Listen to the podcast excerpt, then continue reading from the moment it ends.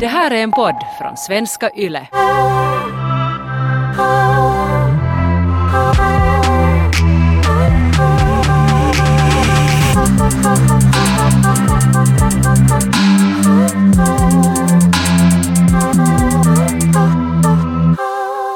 Ronja, skulle du kunna stanna i ett förhållande som skulle vara sexlöst?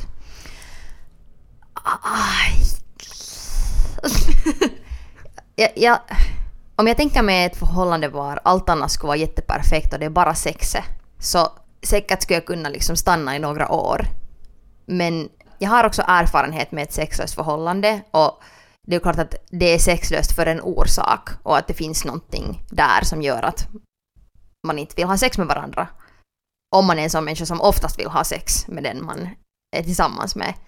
Så det tog förvånansvärt länge för mig att eller ska vi säga så att det var inte orsaken varför förhållandet tog slut, lustigt nog.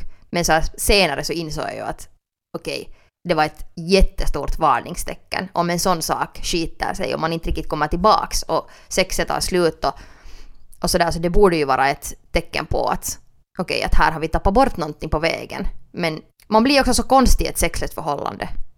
Hurdan, när du säger konstig, så hurdan menar du? Hurdan blev du i ett sexlöst förhållande? Va, vad försvann? No, eller vad ändrades i dig? Jag vet inte, någon slags frihet och någon slags sån där, vet du, också kärlek till mig själv. Om jag, jag kunde inte liksom, om jag var på väg i duschen så jag kunde inte så se mig själv i spegeln. Så att jag liksom blev en, jag var inte mer en sexuell varelse ens själv. Så det liksom tog bort all, all sån där liten sån här liksom hmm, sexy baby, vet du någon sån där filis som man har ändå i livet också för sig själv. Man går ner för gatan, du har någon sån här liten extra sån där, något slags, uh, någonting magiskt, jag vet inte vad det är men jag blev kanske lite platt där på det, på det området. Inte blev jag ju en annan människa men så senare insåg jag då när det här förhållandet tog slut att när jag fick tillbaks min sexualitet och min sådär sexkitten-vibe så kände jag ju mig nog mera självsäker och glad och också sådär att känna sig sexy. Att se på sig själv naken och vara sådär damn. Så det kunde jag ju inte göra då. ja, ja. Jag har nämligen kollat på en dansk TV-serie som heter Sex som finns på Yle Arenan. Och det handlar om typ 22-åriga danska vuxna ungdomar. Eller danska unga vuxna. No, ja. Om man är över 20 så är man nog inte en ungdom mer, nu är man ja. ung vuxen. Ja. Och det, huvudpersonen i den här serien heter Katrin och hon jobbar som en sexualrådgivare. Alltså hon hjälper andra att förstå sex och klara av sexuella situationer ja. via telefon. Men sen hemma i sitt eget förhållande så finner hon sig plötsligt i ett sexlöst förhållande för att hennes kille som hon har varit länge med tillsammans med Simon, som är hennes bästa vän, så han vill plötsligt inte mer ha sex. Och sen blir hon lite frustrerad för hon försöker förstå och hon försöker förföra och hon försöker, de går till och med i parterapi för det här och sådär men det bara, det bara inte går. Och sen blir hon förtjust i sin arbetskompis Selma för att hon söker närhet och fysisk kontakt mm. och Ja, för hon ändå känner att hon behöver det. Sex. Ja. Och jag tyckte hemskt mycket om den här serien och, och, den fick mig att tänka på ganska mycket på just mina egna erfarenheter av när sexlusten har varierat i förhållande. I ett av mina längsta förhållanden så vi var nästan fyra år tillsammans så under de fyra åren så fanns det nog en massa vågor av av att sexet fungerar och sexet inte fungerar. Och sen just... Men det är säkert helt normalt. Ja, men jag tror att, att året innan vi gjorde slut så blev det mest problem. För att min dåvarande kille blev deprimerad och så tappade han sexlusten ganska totalt. Och, och, jag, och det, det, tog så mycket ner på mitt självförtroende för att jag, jag kände sådär att att jag visste inte, lite som den här Katrin i den här sexserien, så jag visste inte liksom vad jag skulle göra. Jag försökte förstå, jag försökte snacka, jag försökte vara sexig och förföra, men sen, sen när det bara inte funkar på något sätt, eller jag kände mig i alla fall bara jättedum. Att det är ju det, ja, det, är det som att, blir så svårt. På något sätt, jag känner mig dum och jag, ja, och jag känner mig sådär att, att det är något fel i mig för att han inte vill ha mig. Ja, så det där blir jättelätt en sån här snöboll. Att det, just det där att om den ena inte vill ha sex på grund av sjukdom, då man har kanske några orsaker varför man inte vill ha sex eller inte kan ha sex. Och sen tar den andra då det är liksom jättehårt. Och den där kommunikationen är inte alltid så lätt i de sakerna. Speciellt vad den handlar om sex så vet jag att jag har just varit med om det att, att när, just, när jag inte vill ha sex så blir det så här att den andra tar så illa upp och det blir sån liksom djup skam och besvikelse av att den andra inte vill knulla. Så det blir ju liksom ännu värre sen att det bara så här eskalerar ännu mera. Och sen vill man ju inte ha sex för att den andra blir besviken när du inte vill ha sex och sen så att det kan bli jättelätt, jätte, jättelätt fel. Men jag undrar just det där att hur, hur många som kanske har till exempel om då ens partner är deprimerad och inte, inte kan ha sex och inte vill ha sex, så just att man kommer tillbaks därifrån. Att man sen liksom börjar ha sex igen Mm. när man har kommit över sin depression. Eller, eller upplevde du att ni inte hade sex på grund av andra issues eller just på det att han var deprimerad? Att det var sen liksom, det sket sig sen där. Mm, no, vi hade en massa problem med vår kommunikation, att vi inte kanske kunde, vi var ganska unga också och sådär. No, ungefär som Katrin och Simon, att vi var något 20, 20 någonting. Vi, vi var inte så bra på att tala med varandra om någonting. Uh, så sen, sen så sexet hade varit sådär att så länge det fungerar så hade det fungerat, men det kändes också sådär att att våga tala om det överhuvudtaget var jättesvårt för att då blev det i alla fall ett problem. Alltså ett, sånt, ett sånt förhållande hade vi att, att om man talar om någonting som var ett problem så blev det ett ännu större problem. Så på vi båda, ja, så vi båda var Men då vet man att kommunikationen är så helt åt helvete. Att inte- Ja, ja. Och det blir värre av att tala. Så då, då är det nog liksom inte... Det, det bådar inte bra. Vi talade kanske inte så mycket. Det var mer sådär att just vi skojar med varandra. Det, det förhållandet kanske byggde sig mer på att vara sådär att vi var just vi hade roligt med varandra, vi fick varandra att skratta, vi tyckte om att festa, vi tyckte om att liksom göra roliga grejer. Och sen, jag minns också en gång så sa han till mig när vi hade haft en någon bra stund och sen sa jag till honom så att hej jag skulle vilja tala nu om en grej. Så han sa nej måste du förstöra den här bra stunden, att in, snälla inte, tala inte nu om något. För att Det jag hade- gjorde mitt ex också. Ja, för jag hade tänkt sådär att, att okej nu när det, hade, det var en så lugn stund så nu kanske jag vågar säga om något problem. Så sen, sen Skulle man ju tro. ja, men nej, sen tyckte han att det var bara killing, bitch don't kill my vibe var han liksom. Och sen, in, det var lite svårt för han, han var aldrig så här mottaglig till någon kritik. Och sen, Ja. sen i det förhållandet sen när det där sexet började dö, dö ut så då kändes det så här att okej att nu vad finns det här om det inte finns mer det där roliga, det finns inte kommunikation, till och med sexet försvinner. För just det som du sa att när du hade varit i ett sexlöst förhållande och sen uh, när du hittade din sexualitet igen så blev du så glad. Så det där längtar jag så mycket efter. Det var så att jag vill också, jag vill känna mig sådär energisk och på något sätt sexig och lycklig och glad. Och det hände Ja. inte bara med honom. Plus att sen, nej, vet jag, b- båda vår sexualitet på något sätt dog lite med varandra tror jag. Mm. Och, och det, det kanske var så också att, att vi inte mer ens ville, att, lite som i den här sexserien, att Katrin och Simon har blivit så bra vänner. Så jag och min kille, vi hade också blivit kompisar, men att vi inte bara ville ha varandra, eller han då inte ville ha mig och, och det bara inte fungerade. Vi kanske inte ville ha varandra mer sådär på ett erotiskt eller romantiskt plan. Ja, jepp, alltså det, det, det där kan jag nog relatera till att just i det sexuella förhållande jag hade så var det ju, det höll ju på ändå så länge utan det där sexet just för att vi hade en bra så här vardaglig teamwork och en liksom trevliga rutiner på något vis. Att vi gjorde andra roliga saker tillsammans, det kändes som att vi var jättebra kompisar. Och sen just för att allting funkar så bra i vardagen och vi hade så trevligt ändå på det viset tillsammans. Så sen kanske vi just hoppades att det där sexet skulle komma tillbaka. Men sen kanske jag just insett senare att, att det, det skulle inte ha någonsin kunnat funka. Och jag tror att det är bara sådär att lura sig själv att kanske fortsätta i ett sånt förhållande där man kanske tappar bort en väsentlig sak som någon gång har funnits ändå. Om man inte hittar tillbaks. Så då är det kanske inte en match helt enkelt. Men det var jättesvårt för mig att acceptera att hej, kanske jag inte bara vill ha den här människan. Ja, men också det att, att ja, i alla fall för mig när, det här förhållandet som då min kille plötsligt tapp, blev deprimerad och just tappade sin sexlust eller i alla fall inte ville ha sex med mig. Så det var ju det att jag kände mig sämre och sämre bredvid honom. Eller sådär att, att, att eftersom jag inte fick vad jag mer behövde så började jag må sämre och sämre. När liksom det höll på så länge så, och ingenting blev bättre så sen till slut var jag så att jag måste göra slut. Och inte bara det, Ja. det, var inte, det, var inte, det var inte alls bara på grund av den här sexlösheten. Nej, Ingen kuk, nu sticker jag iväg. ja.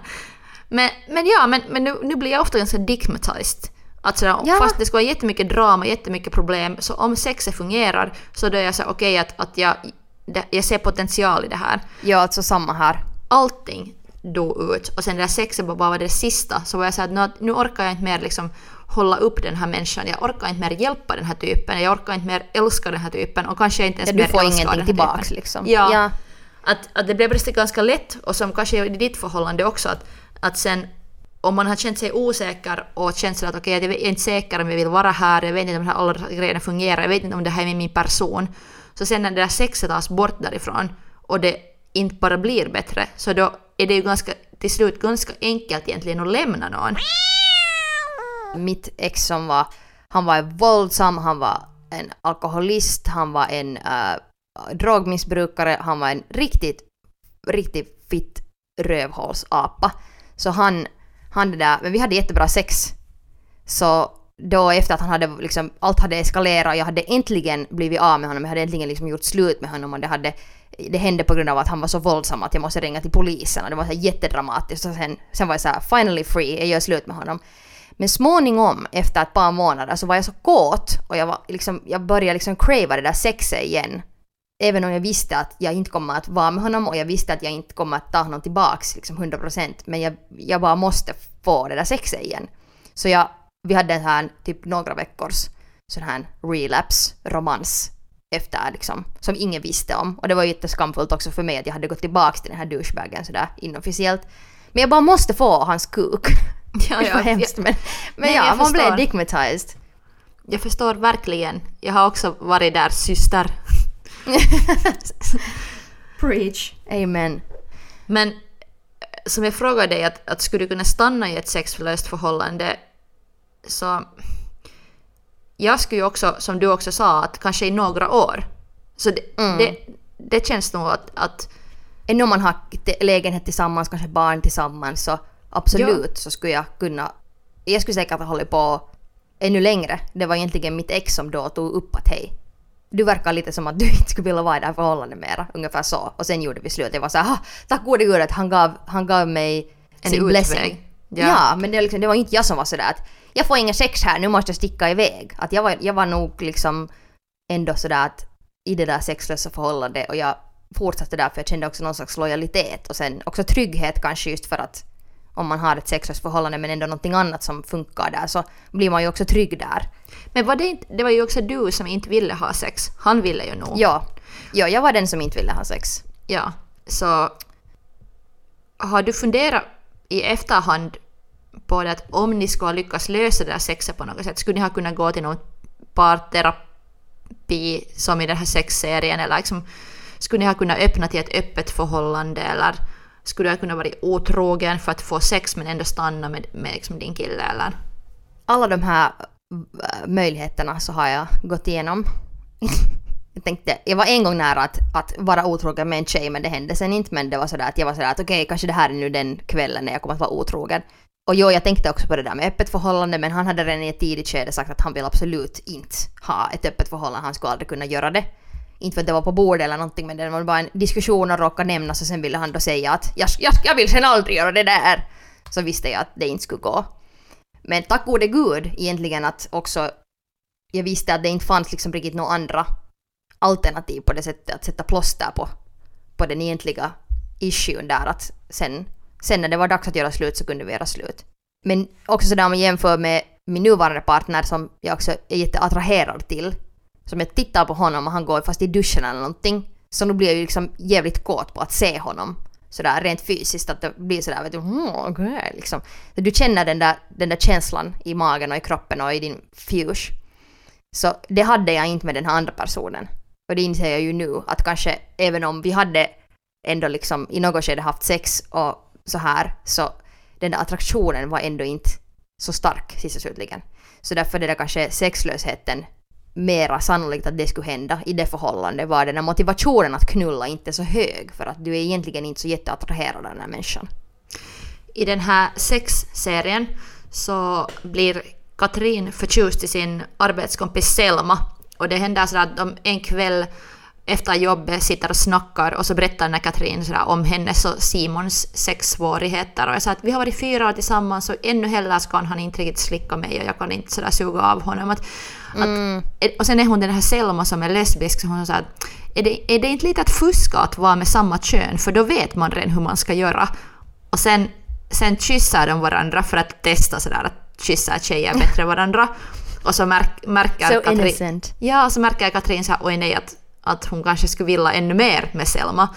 Och sen typ nästa dag på jobbet så hör Katrin hur Selma förklarar till en ung kille i telefon hur man ska um, slicka en tjej.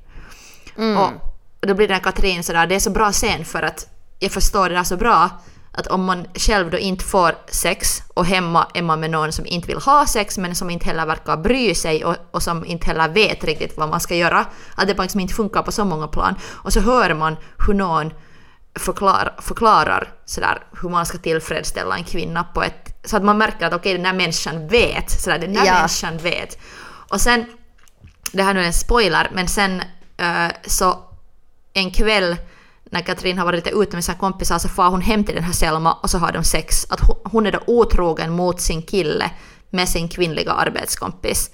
Och sen så det är lite nästan var du har varit. Att du har nästan varit otrogen med en tjej i ditt förra förhållande. Men sen... sen, sen I rätt, som, med rätt omständigheter så skulle det ha kunnat hända. Ja, men det som då du inte behövde lida av men som Katrin behöver lida av, de här sjuka skuldkänslorna.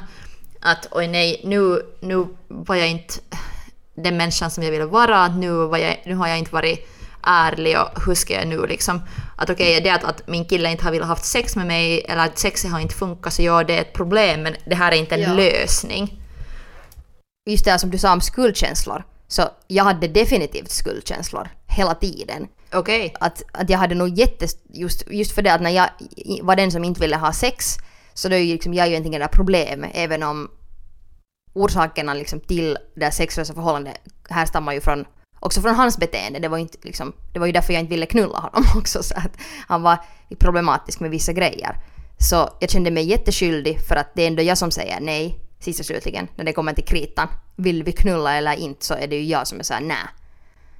Så jag känner mig jätteskit och jätteskyldig och just kanske sådär att no, om jag nu vet du är otrogen så det är liksom, jag känner mig lika skyldig ändå. Så det kändes, okay, det blev såhär jättesottigt där. Jag, jag hittade... Men här min kille som, som jag var tillsammans med som tappade sexlusten med mig, eller att han ville inte mer ha sex och att han liksom varit deprimerad så här. Uh, så jag hittade ju porr på hans dator jag blev sådär obsessed med det att jag måste alltid kolla varje dag när jag typ kom hem att har han kollat på porr igen? Och sen var det sådär att han hade kollat på porr igen. Och vet du... Att han, han var ändå, för jag till exempel, jag runkade inte i det här förhållandet. Jag blev helt sexlös. För ja. att jag ville inte liksom ha sex, det kändes så skit. Så jag skulle nog också bli jättesuspicious om, om jag ändå vrålrunkar liksom sådär ensam. Så varför vill man inte knulla den här människan? Ja, och sen samtidigt det var, så, det var så fräckt av mig, jag vet att jag var en helt pissig flickvän på det, vis, det viset att, eller jag ångrar att jag gjorde det där, för jag önskar mm. att jag mm. skulle ha liksom, låtit honom ha mer privat liv. eller liksom, jag vet att jag översteg någon gräns där när jag började sådär Sherlock Holmes hans runkbeteende. Ja, det, men, det är aldrig OK. Men samtidigt blir man ju också, jag kan tänka mig hur osäker du har varit och, du har, och speciellt om ni inte har kommunicerat. Så sen har du ju spekulerat hela tiden vad orsaken är och det blir liksom när, när man inte vet orsaken till någonting så håller man ju obsessivt på och tänker på så att vad är orsaken och försöker figure it out. Så yeah. sen just måste man känner man att okej okay, nu måste vi göra så här detektivarbete för du får inga faktorer eller någonting någon annanstans ifrån. Så jag förstår också hur det där tankemönstret och den här osäkerheten och det där att du inte har något svar på någonting så också leder dig till att bli lite psyko. Så att okej, okay, då måste jag kika vet du, jag måste kolla på din laptop då vad som finns där och kolla om du kollar på porr för att förstå någonting, även om det är jättedestruktivt och det, det leder ju ja. inte till, till någonting sen, bra men... Och sen inte vet jag nu, jag förstår nog också det att om man har, om man har mycket problem eller man är på något sätt, det är mycket som händer i ens huvud och i ens kropp. Så att ha sex, sex med en annan människa kan bli jättesvårt men att ha sex med sig själv på något sätt jättemekaniskt också med någon porr kan vara easy eller lättare men ja, det är bara kanske det en annan grej ändå, så att det betyder inte att man inte vill, liksom, att det är fel på den andra för att man runkar men inte vill ha sex. Att runka är ändå någonting som man gör med sig själv, så det, Exakt. är mycket lättare. Jep, men på något sätt varför jag, varför jag kollade hans dator var just det att, att jag hade hittat mig i en situation där, där han inte talade med mig mer. Eller liksom att, att vi, vi hade inga sätt mer att diskutera det här. Att det, just som jag sa, att vi aldrig hade varit bra på att kommunicera, men sen plötsligt var det sådär att, att det, det bara inte blev, vi talade inte alls. Det var så att varje gång jag försökte ens ta upp någonting så var han bara sådär på något sätt sådär att nej nej, att det kändes för jobbigt. Att skulle vi ha sen på något sätt lyckas tala om det eller skulle vi ha farit på någon parterapi där med någon, någon tredje person har kunnat tala om det där, att vad händer, så skulle vi kanske ha haft en chans. Men sen när det blev så att, att jag kände mig bara ensam och jag kände mig dum och jag kände mig också sådär att, att jag fick inga svar någonstans ifrån. Så jag började sådär jag började tycka mindre och mindre om honom för att jag, jag sådär proj- projicerade sen liksom all ilska på honom när det, det inte fanns en utlopp till det. Japp, alltså jag hade helt det där samma, att just när det fanns så mycket problem, men sen när jag i de där lugna stunderna det var sådär att okej, nu händer ingenting, vet du, det här är en bra stund att nu snacka. Att vet du, båda har kommit hem från jobbet och vi har så här lugn, vi känner oss lugna. Så perfekt tid att snacka. Och sen går jag och snackar och sen såhär, nej, nu är det inte bra tid, nu, nä, nu, nu vill jag, nä, nu vill jag inte tala om det här. Så sen, och det där händer jätteofta, så, ah, det, gud så rövigt. Och det, sen just det där att att kommunicera, att bli förstådd och du känner dig hela tiden mer och mer sådär att du blir någon så här, jag vet inte, så här, alltså kan man säga på svenska att bli alienerad? Ja, Alienated. Men så kändes det. Ja, och så känns det. Eller, jag trodde också en lång tid av mitt liv att kanske jag inte bara är så sexuell. Att jag, tänk, jag, jag, jag tänkte sådär att kanske jag inte bara tycker om sex så mycket och kanske jag inte behöver det så mycket. Men det handlar bara om att jag inte hade fått rätt sorts närhet och att jag inte hade rätt ut saker i mitt egna huvud. För att nu har jag också, som jag har sagt i den här podden, att jag har många gånger i mitt liv varit jättedeprimerad. Det dödar nog sexlusten. Så jag förstår också min kille som då var deprimerad att det gör allt jättekomplicerat för att du inte bara har egentligen lust på någonting. Men, men sen, sen eftersom förhållanden, att man är med två människor så måste man ändå liksom, man måste kunna tala om det. Att, att Det är så viktigt. Ja, så på något sätt vad jag önskar, vad jag skulle, vad jag skulle säga till mig, till en yngre Taika, är sådär att tala om sex, att tvinga, tvinga din kille, fast han skulle vara sådär att, att, att jag vill inte, det här är jobbigt och det, nu blir det här först ett problem. Så man, liksom, man skulle liksom bara tvinga de där diskussionerna Japp. På något sätt. Och om den, där, om den andra parten inte kan kommunicera så då är det kanske inte ett förhållande som man ska vara i. Lättare sagt än gjort såklart, men Ja, det är ett, förmi- ett minsk, förminskande beteende. Mm, eller en förminskande härskar, härskarteknik att alltid vara så jag har inte tid nu för det här. Och det här är inte ja. viktigt nu. Eller jag vill inte. Det här, eller jag, just det där att ännu mer att inte ha tid att det där, det här förstör filisen.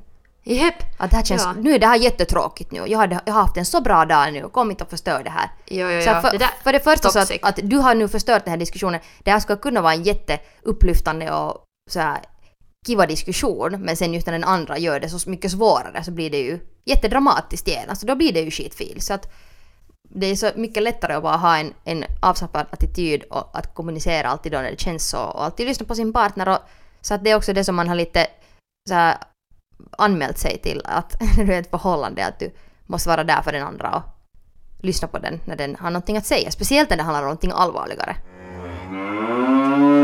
Men det där är också sådär toxic positivity som, som finns jättemycket på någon Instagram har jag märkt nu. Att, fast det här är kanske lite random jämförelse men sådär många bloggare som fast postar en massa äh, samarbeten med någon så här billiga klädkedjor som är oekologiska. Så sen om någon, någon kritiserar dem så reagerar de ofta sådär hej, var inte så negativa här, att kom inte, min, kom hit, kom inte hit och hata. Så, så här, att, att, ö, att att folk, folk vill så jättegärna hålla sin, sin egna värld sådär, allt vad jag gör är okej och ingen ska få kritisera mig. Är det sen liksom ett förhållande, just det här good vibes only, nu ska det bara vara bra filis, så då kan, det, då kan ju saker aldrig utvecklas. Är det sen på Japp. något sätt uh, världen eller någon slags jämli, jämlika förhållanden eller någonting. Men det där är, så, det där är liksom alltid ett, jag tycker det där är ett varningstecken på en idiot. Att om den inte kan ta någon, någon konstruktiv kritik utan då genast blir den sådär att, du, att nu är det inte bara bra, bara, bara bra vibes här. Jepp. Men jag undrar också att kan det där vara en så här en, en liksom ett sår från så här patriarkala strukturer som då förespråkar det att kvinnor är skit. Så då också kvinnor upplevs som så här vet du mera känslosamma så då är också känslor liksom en dålig sak. Att om du är en känslig man till exempel så då är du vet du bög eller du är skit eller du är liksom en kvinna och det är liksom en dålig sak. Så sen just det att när speciellt män är rädda för att tala om känslor. Att det blir en sån här, ah, det vet du det här, jag kan inte tala om det här. Så att jag undrar om det är någon slags sånt, vet du, är av det att känslor är en skrämmande sak för många för att de vill inte, man vill inte vara skit, man vill inte vara liksom svag. Så sen undviker man det. Absolut, det kan vara det, men jag tror, att, jag tror också att det är lathet. För att eh, till exempel en min kompis hade just postat på Instagram ganska bra sådär att, att, att det är ansvarsfullt att gå i terapi.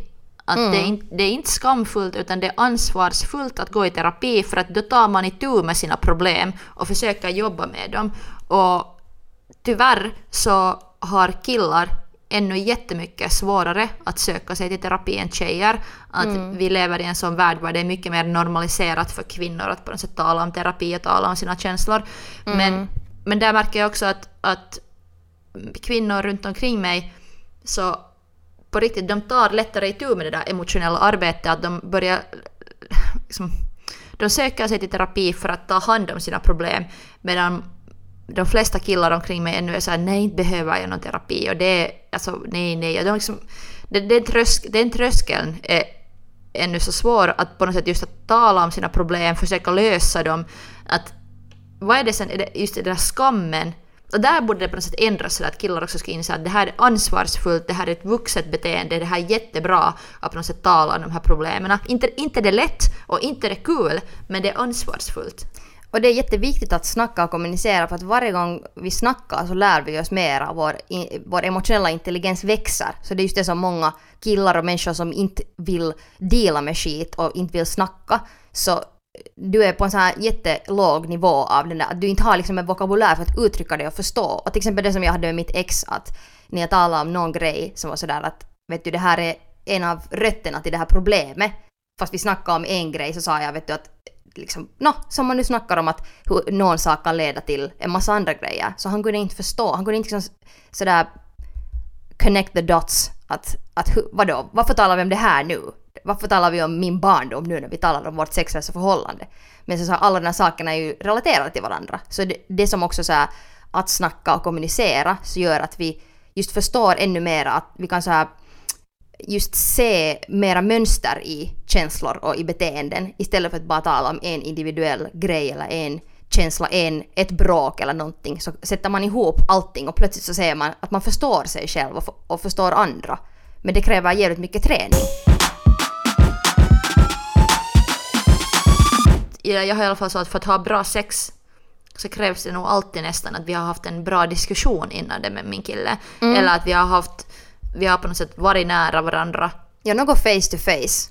Att till exempel att vet, du har tittat på tre filmer efter varandra och sen vet du att sen, sen, vill, sen inte, kan jag, inte har jag någon sexlust efter det för jag är så djupt inne i en annan värld. Att just sådär Ja. att jag behöver jättemycket med min kille att vi har eh, så här dates, att vi tittar på varandra, vi snackar med varandra, vi frågar varandra hur det går, vi kommunicerar så här vardagliga grejer också. Att utan det, om, det är så här, är jätte, om vi är jätteupptagna och det händer jättemycket och vi bara kommer hem från jobbet och tittar på TV och sen sådär så att det liksom, jag, jag blir inte liksom sexuell av det utan jag behöver den här kontakten. Ja, Medan en, helt en sant. man typiskt sett, och det här är undersökt, men män så de behöver inte så mycket det där liksom emotionella som, som vi behöver. Att det är Ja. liksom... De, de, för dem är det mer den där röring, att röra på reven och liksom så att det räcker. Men sådär att det är undersökt att kvinnor behöver mer det där snacket och det där just de där små beröringarna som inte leder till sex men det är lite sådär vet du att hej jag rör dig nu men du vet aldrig om det här kommer leda till sex eller inte. Och jag tycker om den spänningen att man inte vet. För sen när människor blir för så att det är för predictable så sen är du alltid och oj nej nej nej nu vill han knulla mig, jag tänker om jag inte vill och vet du vad händer om jag säger nej och han kommer bli besviken. Ja, och det där, exakt det där händer också i min hjärna. För att då, det känns redan sådär att innan man ens har börjat haft sex så det är så lätt att vara sådär, han kommer bli besviken om jag inte vill ha sex. Ja, så att ah, det här är nu det här, den här handen på låret så att we know this move. Ah, ja. Då blir man stressad. Någonting som jag måste ännu säga om den här sexserien som är så bra är att, att just att Katrin jobbar som sexualterapeut. För det, där blir den där skillnaden så eller kontrasten på något sätt så bra att hon hjälper andra människor. Eller hennes jobb är att hjälpa andra människor just ha ett hälsosamt sexliv. Och varje dag så hjälper hon folk via telefon och, och så jobbar med det. Och alla hennes jobbkompisar jobbar med sex och sex är på något sätt borde vara någonting som är så sådär lätt att tala om och uh, lätt att förstå och lätt att göra någonting åt om det inte fungerar och sådär. Men sen plötsligt så har hon ändå hemma ett sånt förhållande som det inte bara går att lösa sådär. Mm. Att, att det just kanske inte att, det är så bra nyanser där, att, att sex ändå handlar om så mycket, så mycket kommunikation och så mycket på något sätt nyanser mellan två människor. Att, att fast du skulle veta alla tricks och tips hur man sådär suger av någon perfekt eller, eller mm. alla, alla, spot, alla, alla ställen på en människas kropp där du kan röra att den andra blir upphetsad så kan det ändå så kan det just ändå handla om att du fast inte mer är kär i den här människan eller du inte vill mer ha den, du vill ha något annat, du vill ja. göra annat med ditt liv, du kanske liksom inte... Och ens bara att förstå den andra. Ja. Att du, du måste ju så här väva in dig med den andra och så att ni måste hitta hitta någonting gemensamt och så hela tiden lära känna. För det är så många, det är inte bara så att hur får jag dig att komma men också sådär att hur kan jag göra dig lycklig och hur kan jag förstå dig och hur kan jag förstå dig i vardagen och i sängen och hur du tänker och hur man snackar och alla issues, alla vet du grejer, alla osäkerheter. Allt det där blir ju, ekar ju sen i, i sovrummet också. Att man måste mm. sådär ha den här kommunikationen och förstå varandra och sen, sen kan man eller ja, för, för mig är det så att jag är kanske mer att jag måste ha det där emotionella för att det där sexet ska funka. Andra människor är kanske mer sådär att vet du, knulla är bäst, det är inte så komplicerat. Får jag en kuk någonstans eller en fitta i mitt face så fantastiskt. Det är inte så vet du, komplicerat men för mig så är det nog definitivt. Ja, du, behöver det emotionella. Jag har nog samma, ja. och jag tror att de flesta människor nog behöver någon slags emotionell kontakt också. Men mm men sen finns det ju en, en massa olika människor. Eh, kanske det finns en massa så, olika människor. jag vet inte. Jag, jag, jag, nej, nej, nej, jag, jag, jag, har inte så, jag har inte något så deept att säga om det där. Jag måste bara säga om ännu en karaktär i den här serien som är Selma, den här Katrins äh, lesbisk, lesbiska jobbkompis som hon har gjort med. Så jag relaterar nog också hårt till Selma och tyckte massor om Selma för att, för att hon blir utnyttjad lite mm. i den här serien. För att hon, Katrin använder henne som, som en utväg och någon slags lösning. Lite att testa. Ja, när Selma blir också sårad. För att, ja. för att hon är också en människa. Och det där är, det där är någonting som, som när det handlar om att, att kan man stanna i ett sexlöst förhållande och kan man vara otrogen och, och vad gör man sen när man hittar sitt, sin sexlust igen om man har varit i ett sexlöst förhållande. Så jag har nog också i mitt liv av misstag utnyttja personer sexuellt sådär att jag har bara velat få ut lösning. jag ville få utlopp till, till, min sexualitet. Att jag bara varit så kåt. Och jag har varit såhär, det här, är inte så, det här är inte så komplicerat, jag vill nu bara ha kuken. Liksom, mm. Jag vill bara ha sex. Så då, då har jag nog lyckats såra människor för att det har ofta gått så att jag har träffat folk, när jag har varit i den där zonen, så har jag träffat folk som kanske har velat ha haft någon mer vill ha mer någon emotionellt och sen Sen har jag sårat dem för jag har använt dem till någonting som jag har behövt. Yep. Och, sen, och, och, det där, exakt detsamma har sen hänt till mig också men att det där är just också så svårt att, att sen när man är sådär yes jag är så sexuell och nu, nu hittar jag en lösning till, här, det här, till, till det här. Så om den här lösningen är en annan person. En kille som jag hade gjort det med så han var en gång sådär, jag lämnade honom en gång och sen var han sådär att, att jag, jag vet att jag var bara en rebound, jag förstår. Och det är helt hemskt men han hade fattat det. Men sen hade vi gjort det igen. Och sen när jag lämnade honom nästa gång så sen blev han arg. Sen var han så här, du kan inte hålla på så här. Ja. Att du bara sårar och tar. och förlåt att jag skrattar för det var helt hemskt. Men jag, det var nog en av de mest fuckboy-jotton som jag har gjort. För jag vet att jag bara var sådär självisk, att jag bara Ja, tog och tog. För att det var lätt att få. Ja. Kanske vi nu har vår shit together lite mer. Men jag tror nog att det också är en del av så här, att när man eh, håller på att växa upp och upp, liksom utforska sin sexualitet så sen när man har andra osäkerheter och bekräftelsebehov och sånt så det kan bli jättekomplicerat. Att sen just sådär att knulla någon bara för att knulla och så här, one night stands så de kan ju bli jätteroddiga. Men sen just i ett förhållande så har man ju den här möjligheten att kommunicera. Men då måste det bara finnas en öppen dörr för att göra det. Och sen om det inte finns så Ja. Då, det, då kan det, det, blir, det blir så jävla svårt. Det blir så jävla svårt. Det var ett bra, det var en bra Ja, avslutning. ja vad Vi har- fint vi- tanke. Det var nä- nästan lika bra som det finns många olika människor i världen. ja, men istället för, om vi säger så att det får inte bara vara så good vibes, så vi kan ha sådär sad ending, på så här bad Okej. vibes end. Så här, ja, det, det är jättesvårt, Ja. livet är jättesvårt och uh, sex Ibland kan man vara inte knulla. Nej, och ibland så får man ingen sex och mår jättedåligt.